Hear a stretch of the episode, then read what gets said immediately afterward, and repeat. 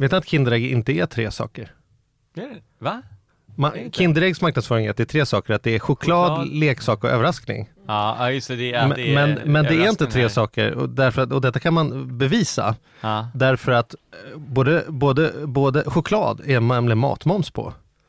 Överraskning och leksak är det 25 moms på. Och enligt majoritetsprincipen så hade, om det var både leksak och överraskning, så hade det varit 25 moms på Kinderägg. Men det är det inte, det är 12% och då kan det rimligtvis bara, inte vara annorlunda än att åtminstone hälften är choklad och hälften är leksak. Det finns ingen överraskning.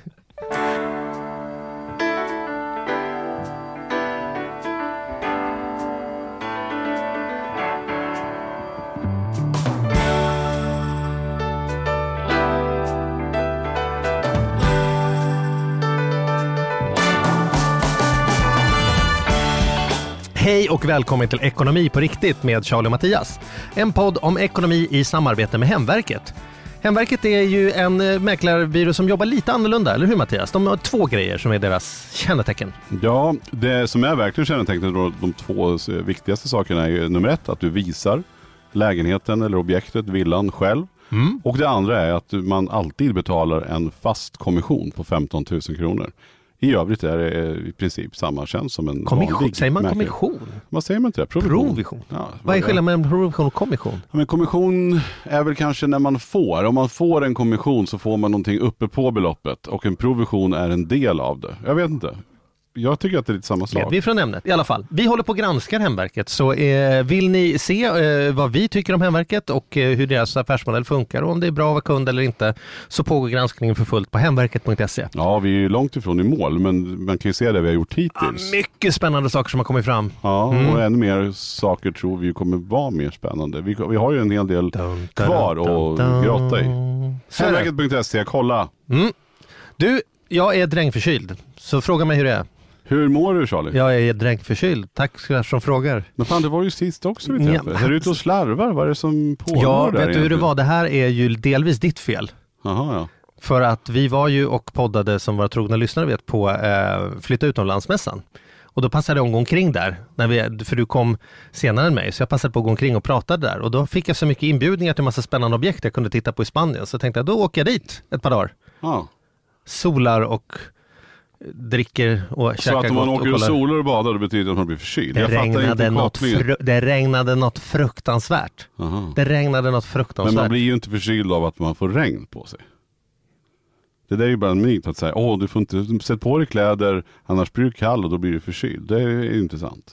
Nej, vad blir jag förkyld av då? Att du... Eh, Dricker Orsa? Nej, utan att när det är kallt så kanske man, om det är väldigt kallt så samlas fler människor på en mindre fläck. Så att du, då, då Tror du att du man. gnuggar mig mot folk bara Nej, för att det men jag tror regnade? att på vintern är man mer förkyld därför att man är närmare varandra och eh, på ett annat sätt.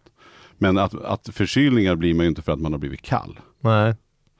Men det är kanske inte är våran podd. Det är ju inte Läkarpodden Nej, här. Välkommen det i samarbete med Apotek. Vi släpper det. Ja, ja, Ja. men du är i alla fall du är frisk nog för att vara här. Jag är, är, är lojal nog, min älskade partner, för att vara här. Trevligt, jag uppskattas. Om jag är frisk nog. Nys inte på mig nu bara. Nej, nej, det kan komma lite hostningar. Ja. Jag sover utan kudde, för det, då får jag upp halsen så här så att det inte hostar på nätterna. Okej. Hatar att sova utan kudde.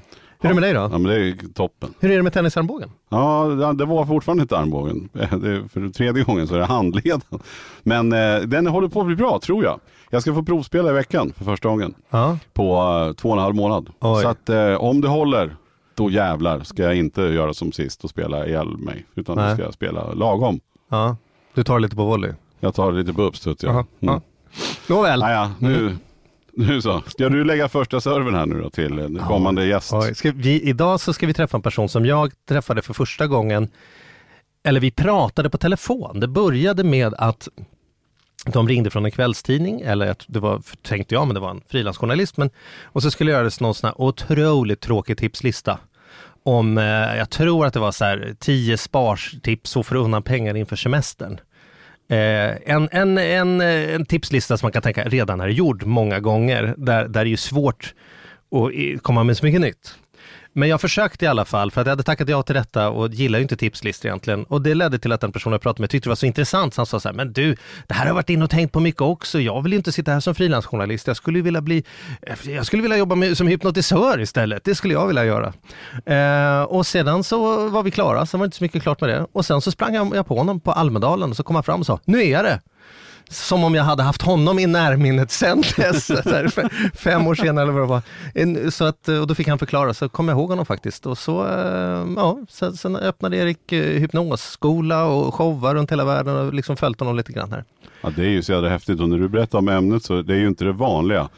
När vi sitter och planerar inför vad vi ska ha för, för eh, gäster och vad vi ska ha för ämnen som vi ska prata Bankchefer och om. jurister. Ja men precis och sen plötsligt så säger du så här, vi ska ha Erik en hypnotisör och jag tänkte så här, ja ja nu, nu skojar han. Eh, och jag undrar fortfarande Var, varför då? Men nej det gör jag inte, du har ju förklarat det för mig. Men du har ju också sen, ni har ju träffats, du har ju själv provat lite, eller hur? Ja, jag tycker vi tar in Erik för han berättar hur jag var som elev. Aha, ja, men Ska vi prova? Ja, välkommen in. Välkommen in Erik Olkvist!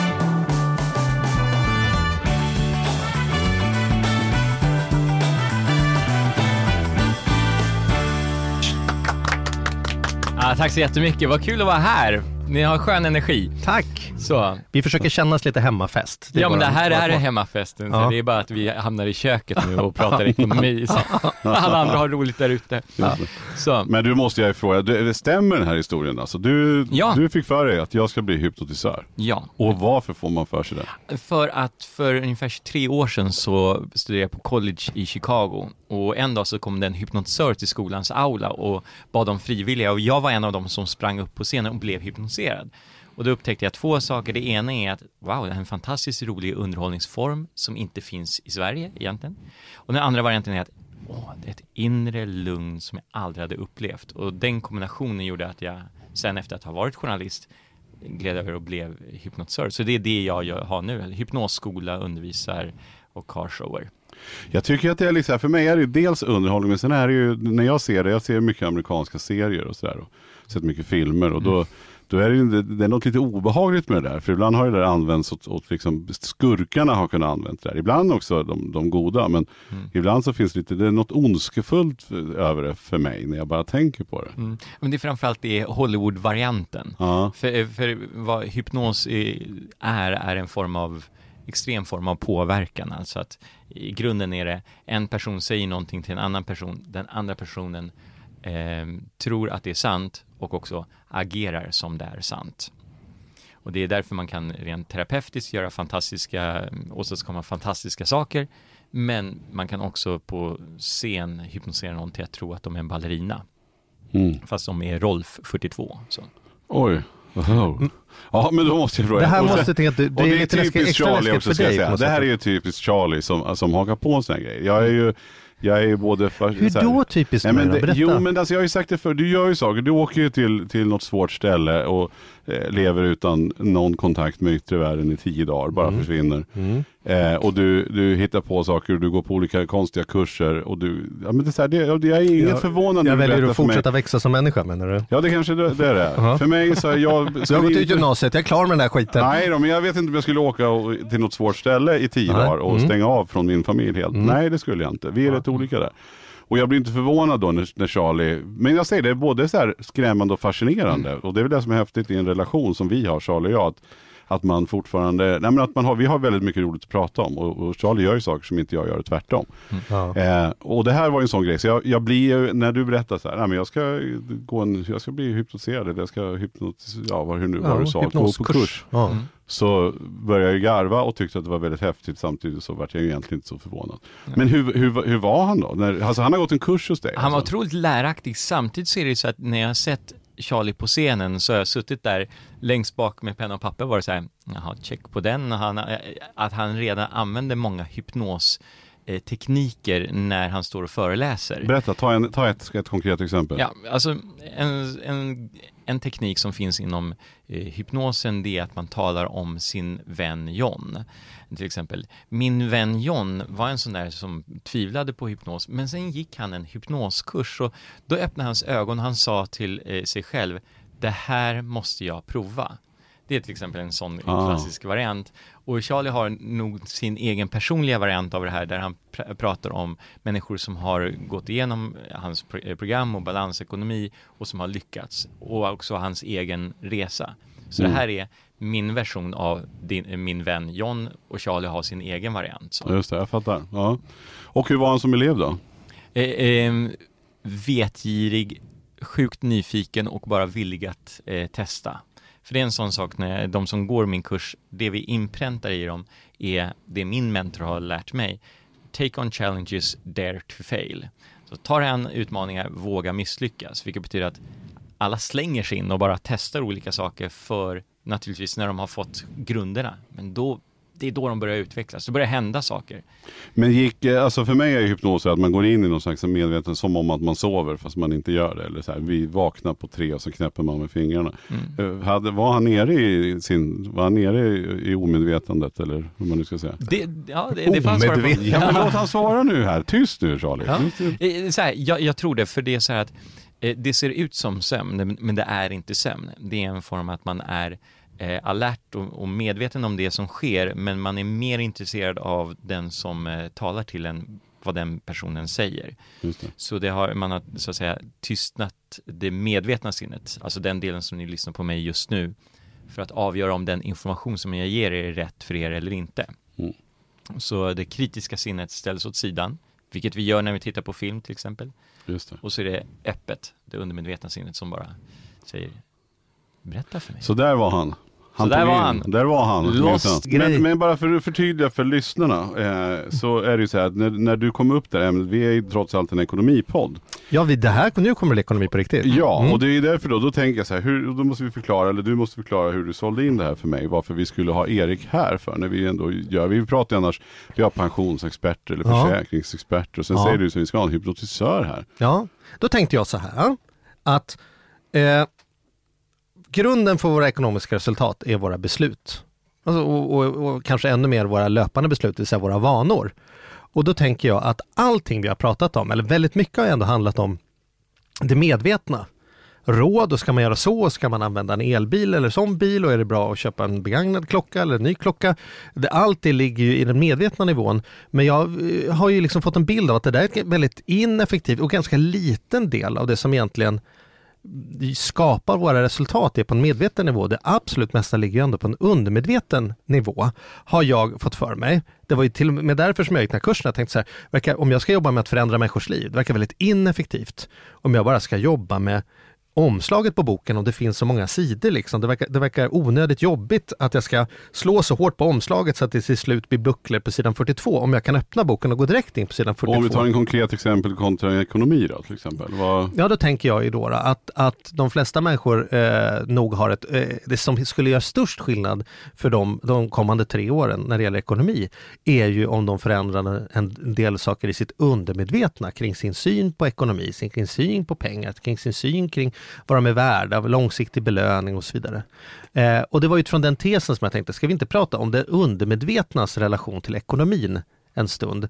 Istället för, nu är det då, lite orättvist för det ämnet måste rimligtvis vara tio gånger större än alla andra ämnen tillsammans. Men om vi ändå ska liksom ha detta som något Mm. inledande samtal. Vad tycker du om min tes här Erik? Verkar, det- det- ser du skräckslagen eller känns det som att det här verkar rimligt? Det här är helt rimligt. Så hörs sen. Ja. Eh, säger han och tittar på mig. ja, men jag är lite skeptisk. Mattias, det är helt rimligt. Okej, okej. Skäll som en hund. Så i alla fall, nej det brukar jag aldrig göra. Jag brukar göra så att de låter som, låter som alla andra djur, men inte hund. Nej. Men i alla fall, Mm. ehm, ja, det undermedvetna sinnet är ju det som styr oss. Där fattar vi, eh, där finns 90 av 95 procent av alla de beslut vi fattar. Alltså att ehm, människor, när vi växer upp så får vi en viss bild av pengar och ekonomi. Eh, ni har aldrig hört de här sakerna, men eh, pengen, eh, pengar är eh, roten till allt ont, vilket egentligen är kärleken till pengar är roten till allt ont, så det är fel citat. Men just att eh, eh, pengar växer inte på träd, alla de här idéerna. Och de idéerna finns i vårt undermedvetna sinne, vilket gör att varje gång vi står inför ett ekonomiskt beslut så är det inte vårt vi själva som riktigt fattar det, utan det är en, den programmering där majoriteten av de program som sattes in i oss sattes in före åtta års ålder. Ja, just det, det, som man är präglad av sin uppväxt. Vi är präglade av det är vår som, Det är uppväxt. som på, på så sätt som våra föräldrar agerade eller Ja. sa eller verkade. Så, Ja. så har vi fått det ju- det med oss liksom därifrån då menar du? Ja, och, och vissa av de här programmen fungerar, Eh, Mm. så det är inte allting man ska byta ut, men det finns vissa program där som inte fungerar. Om vi har vuxit upp med en eh, förälder som säger det är viktigt att ta eh, ett jobb och så ska man jobba hårt, det är enda sättet man kan komma sig fram här i livet. Och sen kliver man ut i världen och märker att det finns personer som eh, Som inte jobbar som inte, som inte jobbar hårt, utan de har, får sina sitter och pengar att jobba poddar med hårt. hypnotisörer Ja. och dricker kaffe. Ja, precis. Ja, men jag förstår vad du menar. Ja, Ja. Och då, då menar du, då kan det bli en konflikt där. Att, att den där, det undermedvetna, det vill säga det vi har lärt oss eller blivit präglade av innan åtta års ålder, Mm. ligger inte i linje med det som vi själva ser och Nej. hör i, idag. Liksom. Precis, och, och då kan det till exempel vara så här att man kanske ser att det där skulle kunna vara en intressant idé.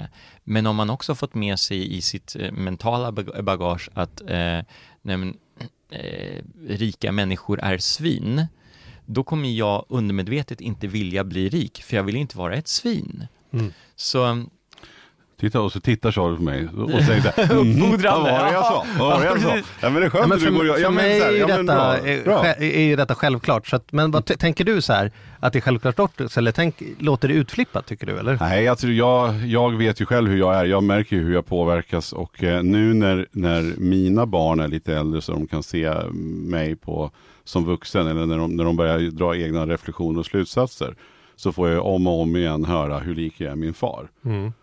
Du, Mm. du är precis som farfar. Du säger precis samma sak som farfar. härligt att höra, eller hur? Ja, och, då, ja, och ofta är det ju roligt och Mm, ja. jag, jag ser och hör det själv. Men jag, jag märker också Din hur pappa är en präglad man mycket har fin blivit. människa så det är inget Ja, fel att nej. kopiera honom. Nej, verkligen inte. Men Mm. det är också saker som jag, som jag någonstans, jag först- det här förstod jag rätt tidigt i Mm. livet. Så att jag har jobbat, jag ska inte säga dagligen, men väldigt ofta på att ta med mig det som jag upplever var bra det jag fick. Mm. Och saker som jag känner att så där vill jag inte vara. Eh, försöker jag jobba med. Att så här, ja men du ska inte göra det. För, jag, för, för per automatik så har jag vissa mönster. Ja, Som jag bara, fan jag vill inte ha det där mönstret. Men Mm. det kommer där ändå. Så att jag, är- jag är helt med på resonemanget. mm. Eh, och frågan är ju då som liksom då det, är det som är intressant är hur man då bryter det här. För det, jag tänker det är Mm. det du, man kan göra och det du, du kan. För Ja. jag jobbar ju mycket så här stegvis. Få människor att se hur deras tankar hindrar dem och få dem att ta ledarskap över det, börja skifta Mm. sina tankar eller till att börja med börja göra saker de inte själva tror på ja. för att sen se att det faktiskt ger andra resultat och så börja tro på det. Men det, och det, är ju, det är ju egentligen samma process men, men man gör ju inte hypnotisörens snabbkoppling som säger så här. Men om jag kan bara kliva in under mattan här och ändra, ändra direkt programmeringen. Mm. Men, men jag tycker man kan jämföra, oftast har folk ett ganska taskigt, själva grundprogrammering kring ekonomi. Mm. är ofta så pass taskigt så man ser inte ens vad ekonomi är. Så jag finner mig själv ganska ofta göra jämförelser mot, mot hälsa. Mm. Eh, därför att där har, har vi mycket mindre, jag ska inte säga mindre laddning, men en annan typ av laddning. Mm. Som jag sa när vi pratade inför detta så sa jag så här, jag skulle ju må bra av att, att vara nyttigare mot min kropp. Mm. Men jag behöver ju inte mer genomgångar av kostcirkeln. Nej. Den fick jag, jag vet exakt, Ja. det är smör och det är bröd och det är Mm. mjölk och det, det är mer grönsaker än kött och så vidare. Så det är ju inte på en medveten nivå jag behöver så mycket mer strategier kring hur man ska göra. Det är ju inte det som gör att jag sitter och petar i mig chips igår kväll när jag är sjuk och tycker synd om mig själv i so- soffan. Att jag glömt bort hur, kork, liksom, hur, hur, hur kostcirkeln ser ut. Mm. Det är någonting annat och det tänker jag också mot våra lyssnare. Man sitter och lyssnar och bara, nu har jag blivit så pepp på Charlie och Mattias här och tänker jag ska komma igång med fondsparande och så har det inte blivit någonting. Nu är jag på avsnitt 90 här och fortfarande inte blivit rik. Då kanske vi skulle kunna hjälpa till med att titta på, finns det liksom hur får man syn till att börja med på sitt undermedvetna? Det är ju som en paradox. Man Ja. kan ju inte se, då är det ju helt plötsligt inte undermedvetet längre. Nej, Eller? nej, nej, nej, framförallt, eh, till att börja med så är det att människor förstår hur deras ekonomi ser ut när de tittar på fysiskt eh, på sina, på sina intäkter Mm. och sina utgifter. Om det, det är svart och vitt. Eh, det, här är, det här är vad du har åstadkommit hittills kopplat till eh, ekonomin.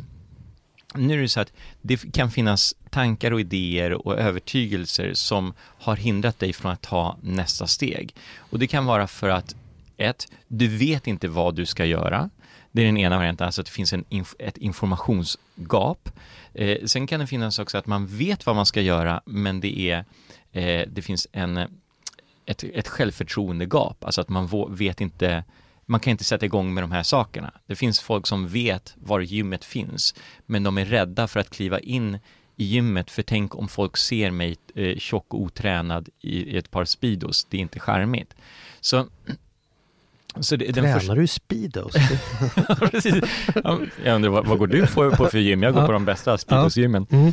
Um, så där har du i alla fall de, så det man börjar göra är att man blottlägger och så försöker man bara hitta vilken av de här delarna är det att om jag vrider om den här nyckeln kom, eh, kommer vi sätta igång den starkaste motorn. Ibland så är det att man trycker på en, vrider om en nyckel och puttrar det på i rätt riktning eller så är det ett, ett annat område där det är... Men om vi håller oss till den här, mm. bara för att vara konkreta, ja. om vi håller oss till den här rika människor är elaka, mm. eller du hade en bra stängning på mm. rika människor är inga bra människor. Nej, rika människor är svin. Ja, rika människor är svin. Mm. Om, man nu har, om man nu har blivit itutade mm. tills man, i det här, som du sa, mm. någonstans vid åtta års ålder och sen har man hängt fast vid det där. Och hur ska man då, hur, Går man så konkret ja, vänta, som man, innan som man går för, in i det här Innan du går för fort partner så tänker jag så här bara, jag tror inte man kanske associerar till att man blir itutad det. Jag tror inte att du satt så här och hade en pappa hemma som sa så här, innan du går och lägger sista jag vill att du säger nu bara, vi kan människor Nej okej, okay, itutad, okej, okay, men präglad då? Ja, men, men, men bara så att man kan associera och känna igen det. Ja, ja, ja, man är, uppväxt, är man uppväxt med Joakim von Anka, mm. som, som, är, är man uppväxt i Kalle Anka-världen, då är man ju varje gång man öppnar en sån tidning itutad. Mm. Det finns en enda person som är rik och han är den där otrevliga som aldrig ens skulle, han böjs ner efter 25 öre och behandlar folk som, som skit liksom. Mm. Och han förlorar alltid på det i slutändan liksom. Mm. Eh, så det är ju de där små subtila sakerna som, på, som, som fuckar upp ja, men det, är det, jag menar. det är det jag menar. Men ja. om vi har det ja, som bra. ett konkret exempel. Ja. Mm, okay. eh, alltså om man då har blivit präglad på olika sätt. Liksom, och det handlar inte om att man har varit uppväxt i en sekt, någon har verkligen sagt. Utan helt vanligt, men man har mm. kanske haft föräldrar som har stått för någonting. Och nu tar vi, ett, mm. nu tar vi något extremt, för jag tycker det är ett bra mm. sätt att snacka om. Ja. Ja. Och hur vrider man om den nyckeln? Hur, hur skulle man gå tillväga då för att liksom, eh, få ordning på det där och förstå att mm. rika människor kan vara riktigt trevliga? Ja, då kan vi säga så här. Ehm, eh, idéer hamnar i vårt undermedvetna sinne på fem olika sätt. Det ena är att det är en auktoritet som säger någonting, alltså en lärare, en förälder, eh, eh, som vi kanske har förtroende för.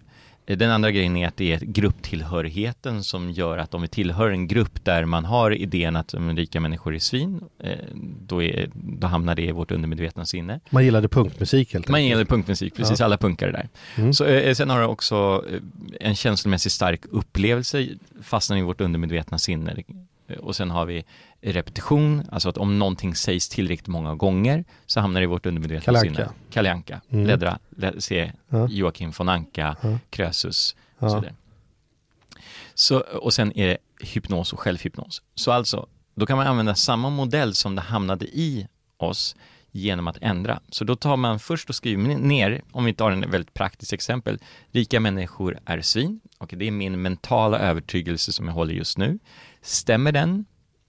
När man skapar en viss tveksamhet kring den idén, då blir det lite svårt att hålla fast vid den. Alla människor, svin, rika, betyder det att det är bara personer som har 10 000 kronor mer än jag som räknas som rik? När man börjar märker man att då börjar den falla isär, den här idén, den här övertygelsen. Okej, vad vill jag ersätta den här tanken med? Eh, har ni ett förslag? Rika, skulle... rika människor är ju snälla och givmilda, generösa. Mm. Rika människor är rika. Rika människor är rika, ja precis. Det har väl ingen koppling Nej, till det. är ingen koppling. Man behöver ja. inte ens göra en sån.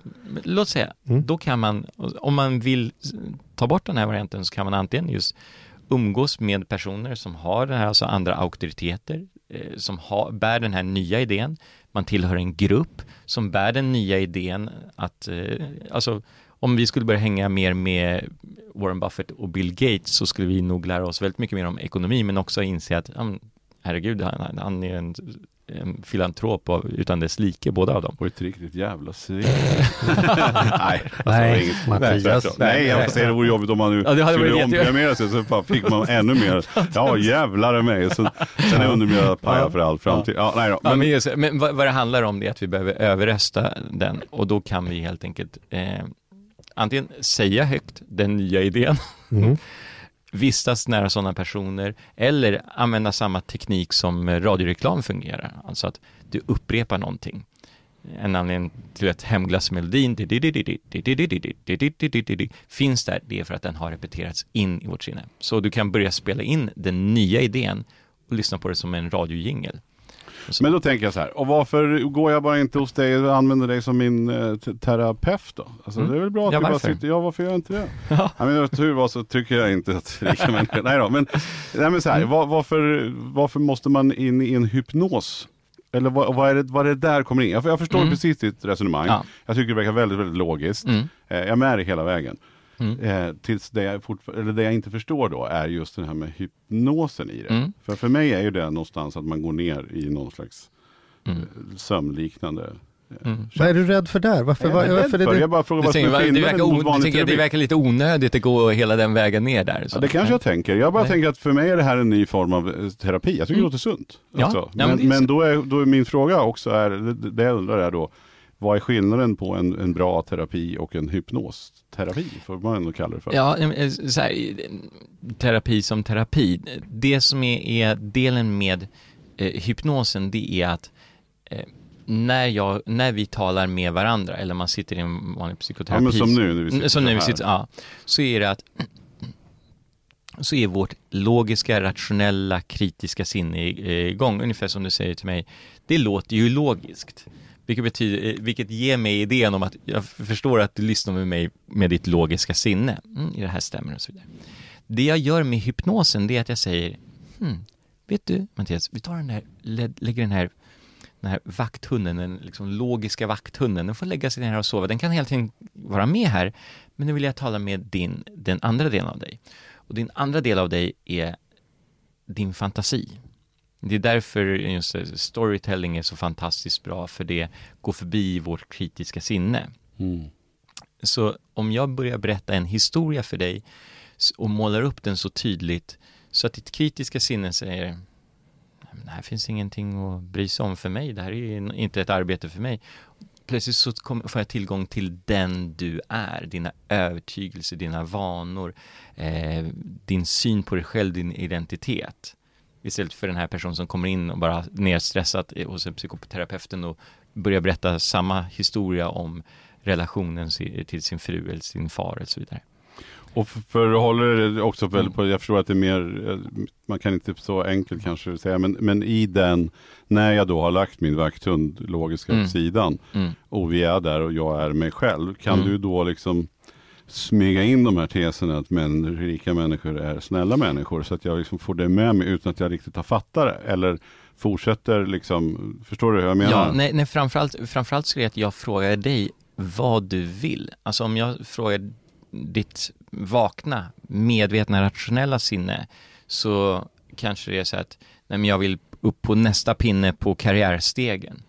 Men om vi låter den delen få lägga sig lite och jag pratar med ditt undermedvetna sinne som, och säger vad vill Mattias arbeta med just nu?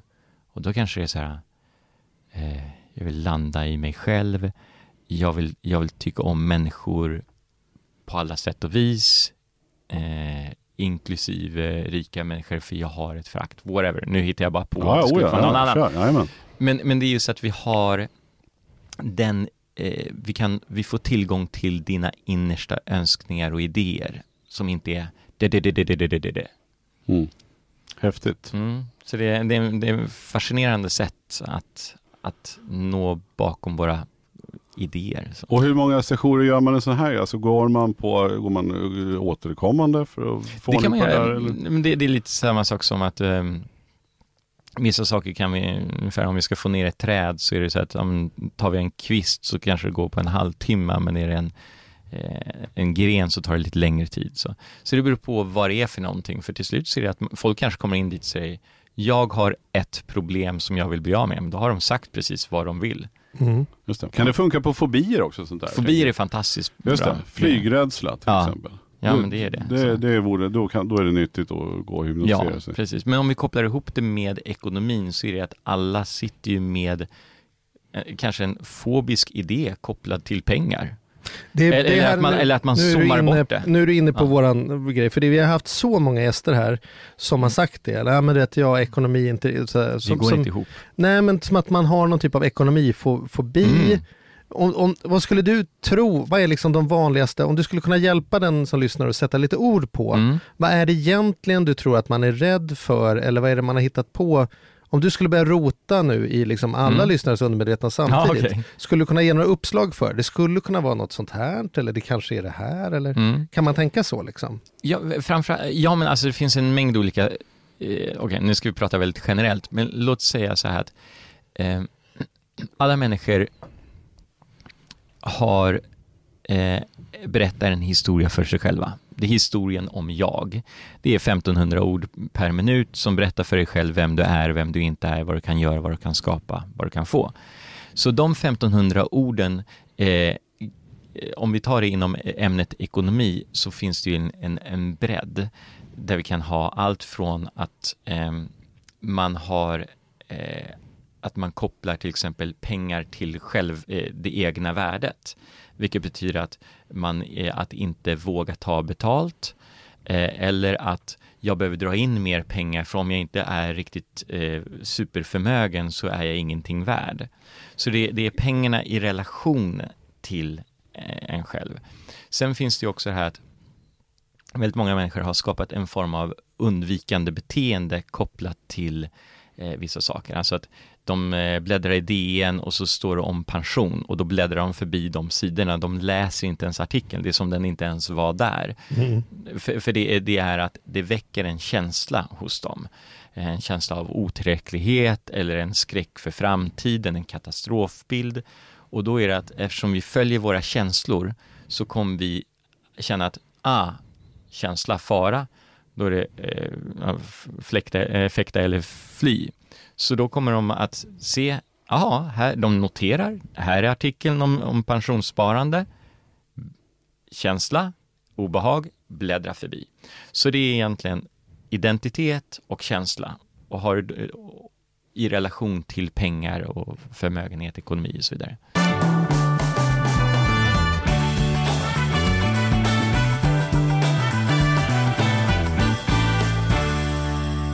Vad skulle du säga till dem som har, eh, för, vi märker ju hur mm. den är så, så är vi en ek ekonomipodd och vi, vi, har ju lyssnare som på alla nivåer. Liksom. Mm. Många som har en risig ekonomi vill få det bättre och många som har ekonomiskräck eller mm. kuvertångest och vad det nu kan vara. Ja. Till eh, många som också är väldigt framgångsrika märker vi. Mm. Men det, det, är ändå något så här ständigt återkommande. Det var ju också någonting som vi jobbade med, som var för Charlie och jag lärde känna varandra en gång i tiden. Eh, när vi har hjälpt familjer som har tyckt allting är fruktansvärt jobbigt. Mm. Vad, vad skulle du säga så här, förutom att man om, om det, det enkla svaret skulle kunna vara ring mig så kan mm, vi boka ja. upp er på en sån här. Men, men vad tror du är grunden? Vad Eller lyssna på podden så hänger man åtminstone med ett annat umgänge en ja, gång i veckan. Precis, men det är det, ja. Nej men generellt, vad skulle säga, vad är, hur ska man mm. få bort den här kuvertskräcken då? Eller du berättar om den här, mm. du sitter och bläddrar i tidningen. Mm. Jag känner det själv igen den när det kommer till elände och krig och mm. sjukdomar. Jag orkar inte. Nej. Jag bläddrar förbi det där för att då är det som att det inte finns. Jag vet ju att det där finns men jag orkar inte. Liksom. Nej. Och det, det är min, alltså, så kan jag tycka är jobbigt. Men vad, om du ska ge något råd till våra lyssnare. Okej, okay, ja. Um, oj, det är så här. Ja, det, det, jag vet, eh, om vi tar till, till exempel så här, min, min mentor han jobbar med NBA-spelarnas eh, hjärnor, han tar hand om de som är, liksom, jobbar i basketligan. Och då frågar han, vad är, det, vad är det du hjälper dem med? Och han säger, alla vill prestera bättre. Så kom ihåg att anledningen till att du känner den här, eh, så här kuvär, eh, kuvärångesten eller känslan eller så här, det är för att du vet att det finns någonting där som är intressant, lockande, som du vet skulle kunna hjälpa dig. Mm. Eh, så då kan vi bara veta så här att vi har ju både, drivs ju både av motivation och desperation. och desperationen är att ibland är den gör den att du vill, så här, desperationen kan vara en drivkraft att få dig att sätta igång. Så eh, och det är svårt att ge, jag kan säga det är svårt att ge ett generellt svar, för det är mm. någonstans att... Men vad bör man börja då? Vad ska man göra? Det, det, det, Om man har haft kuvertångest i 20 år och man, mm. man tycker det är jobbigt med räkningar, man tycker det är jobbigt mm. med allt det här. Det är bara att ha no, eh, någon in till sig, och det behöver inte vara en expert, men bara ha någon in till sig som inte upplever kuvert, kuvertångest, som kan vara med och sitta bredvid. För det betyder ju också så att eh, människor som till exempel är rädda för att eh, flyga, de kan fortfarande med sina ögon se människor runt omkring sig, till exempel eh, flygvärdinnor och piloten som inte är det. Och att bara titta på dem och se det här som jag har är inte riktigt helt okej, okay, men om någon av dem skulle hålla mig i handen en kort stund när jag öppnar här så tar jag ett första steg. Så det handlar om bara att ta de första små stegen. Mm. Eh, för det börjar ju omprogrammera hjärnan på samma sätt som att om jag tror att världen kommer gå under om jag börjar titta på min pension och att börja, börja bli som, just mm. som Thomas Di Leve beskrev mm. att han mm. börjar titta på olika så här, bunkrar eller vad det var för någonting.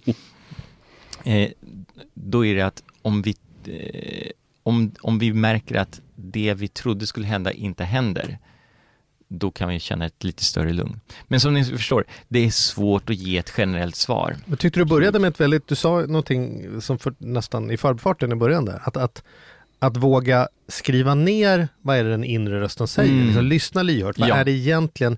För jag tror att också vi har en tendens att stryka över det där. Mm. Vadå, är du rädd för det? Nej, fan, jag är väl inte rädd, men jag har inte kommit igång med pensionen igen. Så mm. men vänta, om, om, vi, om vi tror att det finns en känsla, vad är det egentligen den rösten säger? Ja. Och sen som du sa, skriva ner och säga, är det sant? Är det, är det, verkligen sant? Ja. För, om man bara, för det som äger den är ju det man inte vet om. Om man får syn på att det här driver mig, så har man åtminstone tittat lite på monstret under sängen på något ja, sätt? Ja, eh, precis. Att börja så ett, eh, egentligen börja så ett tvivel kring de idéer som man har i sitt huvud. Mm. En av de här sakerna man pratar om i eh, meditation och buddhistiska filosofier så är det att man säger tro inte på dina tankar. Och här är en sån så att vi kanske säger någonting väldigt högt och tydligt i vårt huvud eh, men det behöver nödvändigtvis inte vara sant. En fråga som man har är ju om, om detta funkar och då tänkte vi, vi har ju förberett ett experiment här som är att, att du Erik, du fick chansen att, att uh, hypnotisera någon som hade utmaningar med uh, sina undermedvetna och ekonomi och sådana saker mm. och så sa vi så här, vi bjuder in den personen och ser så här, blir det någon skillnad då? Så nu har vi Enna här, välkommen! Ja, tack snälla! Hur känns det att vara här? Eh, det känns bra, lite nervöst. Vad är, det, är det nervöst som att det är nervöst att prata i podd eller är det nervöst att liksom fläka ut sitt undermedvetna inför? Faktiskt eh, att eh, prata i podd. Ja. ja, vad skönt. Så du känner dig trygg med hela setupen kring det där? Det gör jag. Vad var det som gjorde att du tackade ja till våran utmaning här? Eh, jag är väldigt intresserad och öppen för sånt här som när ehm, eh, Vadå? När? Jo, när vi pratade om att du tycker om att hitta på, ja, testa ja, olika ja. saker. Och det är samma med mig. Så jag har testat en hel del sånt. Jag är intresserad av meditation och eh, olika healingformer. Mm. Så då nappade jag ganska snabbt. Jättebra. Och det här är Erik en styrka va? Om man, om man generellt sett om man tänker att hypnos låter som en kul idé, mm. då är man lättare att hypnotisera. Ja men det är, så är det. Man är, om man är öppen inför någonting helt enkelt. Så. Var det så? Mm. Kände du att hon var lätt hypnotiserad eller? Ja, framförallt, och det, det var som intressant här med Enna var ju att hon kom in och berättade om liksom hur, vem hon är. Hon har alltså eh, eh, tandsköterska, också, eh, också eh, filkand i retorik och ledarskap. Men nu är det så att hon har startat eget. Mm. Det handlar om att eh, en rekryteringsbyrå för tandläkare. Men det finns fortfarande så gamla program kopplat till att ta betalt. Gud vad bra. Så, ja, så, vi, mm. så då, då sa jag okej. Okay, hur, hade du kommit fram, hur hade du kommit fram till detta då? Att, alltså, var det ty- har det varit hela tiden som jag vill starta eget men oh, eller, eller har du märkt nu när du har börjat att shit vad det var jobbigt när de frågar vad det kostar? Eller liksom? ja, nej, så här är det. Jag har startat ett bemanningsföretag för tandläkare. Mm. Eh, det är rätt nytt i branschen. Jag är bland den första som startar ett sådant företag. Vad heter bolaget? Eh, Dent for Rent Sweden. Dent for Rent Sweden, får ni lite shoutout, lite reklam här. Ja, men mm. schysst. Mm. Ja. Mm. Eh, så på den vägen är det. Så jag står ju rätt ensam i det hela, ska liksom trampa ny mark. Betyder att jag har ingen att eh, se. Jag har liksom ingen att... Hur, du har aldrig, det har aldrig gjorts förut? Det har aldrig typ. gjorts, Nej. precis. Att jag sätter ju ribban, jag sätter mm. ju eh, timbetalningen eller arvodet eller vad det är. Eh, och sen har jag en personlighet där jag gärna vill vara till lags. Mm. Och då ska jag då vara till lags både för personalen jag har mm. och vara till lags för kunden. Mm. Och så ska jag finnas där mittemellan och ska få en liten provision. Så det är väl den biten som har varit lite tuff. Um, Notera hur hon sa liten provision. Mm. Ja, ja, precis, ni hör ju. Ja, det, det är där. Du är inte i mål här Erik. nej, nej, men det, det som var intressant ja. när vi började jobba här, att det fanns en, en inre röst här, en del av henne som var väldigt hård, kall, ja. bestämd.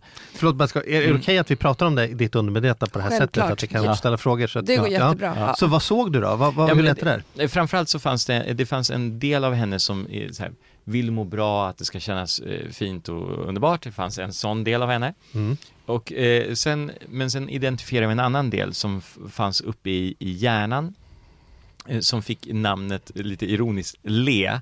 Hon mm. började avgarva för, för det är liksom, det är ja. ironiskt eftersom det här var den hårda lilla ja. Hitler-varianten som, ja. säger, eh, som, som bestämmer allt, som är bossen. Mm. Och den delen eh, säger att det här ska man göra och den tycker att den är produktiv men den är inte riktigt det. Och det, det vi ville göra då, det är att förstå vad är det den egentligen vill åstadkomma? Och då benar vi ut att det är egentligen att den vill, vad var det, må bra. Precis, mm. och, och, det tror jag som jag kände och fick med mig mest, det var ju att jag var så, den sista perioden har jag haft rätt mycket jobb att stå i, så att då har jag liksom kommit ifrån mig själv lite, utan då har, då har jag jobbat väldigt mycket med hjärnan och det rationella och logiska, mm. precis som ni pratade om innan, mm. och inte gått med min magkänsla och liksom min inre mm. core, själ eller vad man nu kan mm. kalla det. Så att jag har liksom, de två har blivit lite detached, mm. hur man nu säger det på svenska. Ja, ja. Eh, och det var väl det som var väldigt tydligt i vår session, mm. var att min mage var kolugn och jag visste att allting skulle lösa sig och det var, allting var frid och fröjd och så var hjärnan den här bestämda, det ska vara si och så. Mm. För så här ska det vara av någon anledning mm. och så vidare. Och hur, hur var det då när du var i den här? Hur kändes det att bli hypnotiserad där, där och då i stunden? Var du medveten? Var det som att sova eller hur kändes det? Liksom? Eller, kände du att du kunde koppla bort den ena killen, tjejen och lägga den vid sidan som den här vakthunden vi pratade om? Eller berätta. Ja, det kunde jag. Eh, det jag upplevde var som att man hamnade i en slags meditativ fas. Eh, och det har jag varit med om tidigare, så det tror jag gick ganska snabbt mm. för min del. Eh, och jag kanske innan förväntade mig att det skulle bli någonting mer. Att jag skulle bli helt eh, borta eller någonting sånt. Utan det vart mer bara som att jag hamnade i meditation väldigt snabbt och väldigt länge. Och det är inte någonting som man kan lyckas åstadkomma med själv. Utan det är just kanske hjälp med olika mm. ja, hypnotisörer eller eller en healare. riktigt tråkig powerpoint-presentation på en vd-konferens. Då kan man ju gå in i vilka stadium som helst kan jag säga. Ja, men, men, så. men så här nu då med fast i hand, vi hör, hör ju att det här, ni är väldigt positiva, eller du, du känns väldigt positiv i det här då. Definitivt. Men, men eh, skulle du rekommendera, kommer du fortsätta? Känns det här som, någonting du skulle rekommendera för andra? Känns det bättre? Är du i en bättre form nu än innan? Det känns mycket bättre för att det gör jättestor skillnad att bara komma till insikt om vad är, vad är det som gör att jag inte tar betalt så som jag borde ta betalt, till mm. exempel för mina tjänster. Eh, och bara få, få det sagt högt gör jättemycket, för då har man, aha, oj, var det det? Och du kan skjuta isär dem till två olika personer och säga så här, nu bråkar den här med den här och nu håller den här på vinnarna. Alltså, mm. Och så kan du bestämma om du ska mata lite mer eller? Ja, att de ska gå i synk lite mer. Ja. Mm, för det var det vi jobbade med, att, att det skulle bli den här synken. Och sen, eh, vi pratade igår och så frågade jag så här, men hur, hur har det gått här? Liksom, mm. har, du, har du hamnat i någon form av så här, att, en situation där du behöver ta betalt? Och då sa du mm. vad då? Ja, dagen efter redan så eh, fick jag ett jobb som jag tog, som jag eh, fick, eller jag tog betalt för det jag kanske inte hade vågat innan. Hur mycket mer betalt tog du än vad du gjort innan? I procent ungefär? Eh, åh, det här var mitt första jobb via min firma. Ja. Så det kan jag det, det... Du kan inte säga så här, före och efter? Nej, det kan jag inte göra. Men jag kan, nej, men mer i alla fall? Men mer, ja gud, betydligt ja. mer. Men du kanske kan känna så här, nu tog jag betalt som jag skulle. Yes. Nu känns det bra i hela kroppen att jag vågade. Jag, jag, tog faktiskt skäligen betalt för vad den här tjänsten borde vara värd. Exakt, och det sa jag till Erik också, någonstans sätter grunden för kommande jobb. Mm. Att då har jag satt den här, jag har tagit betalt och så kommer jag fortsätta göra med det. Mm. Mm. Mm. Så, som ni ser så här, så att det man gör nu eh, är att man börjar rita om vad som är möjligt. Mm. Ungefär som eh, vid ett tillfälle sitter jag och pratar med en eh, kompis som har startat ett miljardbolag och vi äter middag och när han tar ett räkneexempel så handlar det om ett, så här, åtskilliga miljoner och för honom så är det den mest naturliga sak att, eh, att göra. Vilket, men det är förstås att jag börjar tänka istället för eh, tusen lappar eller tiotusen lappar eller hundratusen så börjar jag kliva in i hans värld och börja tänka miljoner. Mm. Och då, det är då det blir väldigt, väldigt spännande så vi börjar rita om den inre kartan här, den inre kartan om vad som är möjligt. Mm. Ja.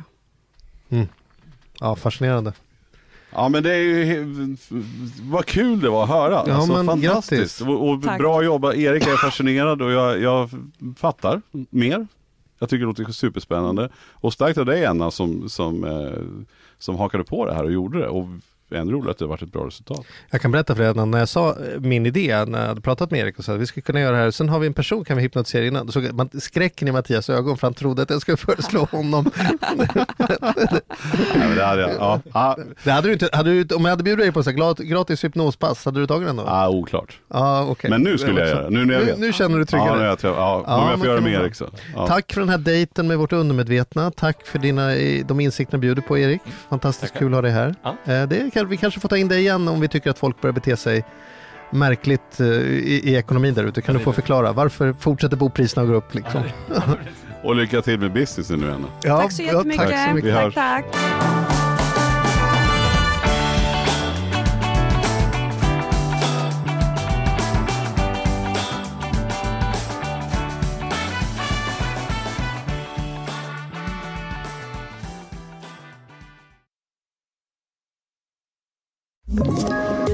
Poddtips från Podplay. I podden Något Kaiko garanterar östgötarna Brutti och jag, Davva, dig en stor dos skratt. Där följer jag pladask för köttätandet igen. Man är lite som en jävla vampyr. Man har fått lite blodsmak och då måste man ha mer. Udda spaningar, fängslande anekdoter och en och annan arg rant. Jag måste ha mitt kaffe på morgonen för annars är jag ingen trevlig människa. Då är du ingen trevlig människa, punkt. Något Kaiko, hör du på Podplay. Därför är gardinerna